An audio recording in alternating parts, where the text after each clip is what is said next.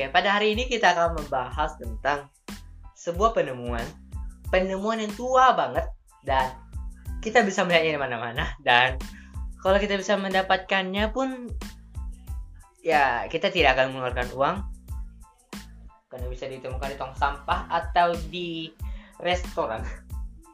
Oke, kita akan membahas soal stick. Oke, mungkin bagi Anda pembahasan ini akan menjadi pembahasan yang paling absurd, paling aneh. Ya, padahal saya akan bahas tentang stick yang mempengaruhi dunia. Oke, sebelum kita membahas lebih jauh, mari kita bayangkan bentuk sebuah stick. Stick itu kan bentuknya sebuah kayu atau besi ya yang bentuknya lonjong dan panjang dan biasanya pipi.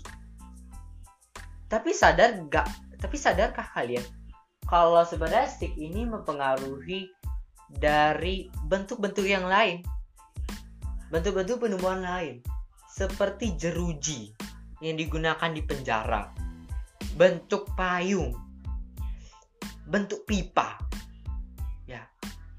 Bayangin kalau tidak ada stick. Mungkin penemuan itu tetap ada, tapi bentuknya tidak seperti itu. Dan bayangkan, seberapa susahnya para penemu-penemu barang tersebut untuk mencari bentuk yang benar kalau tidak ada stick. Stick itu walaupun dia hanyalah sebuah benda biasa yang ya tidak terlalu diagung-agungkan seperti penemuan komputer, internet, kab kabel fiber optik ya.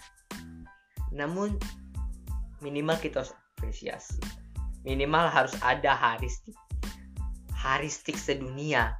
Karena tanpa stick kita tidak bisa bayangkan bagaimana bentuk penemuan-penemuan kita. Ya, itu saja. Sekian dari saya. Saya Haku Sigo dan selamat hari Minggu dan selamat pagi. Oke. Okay.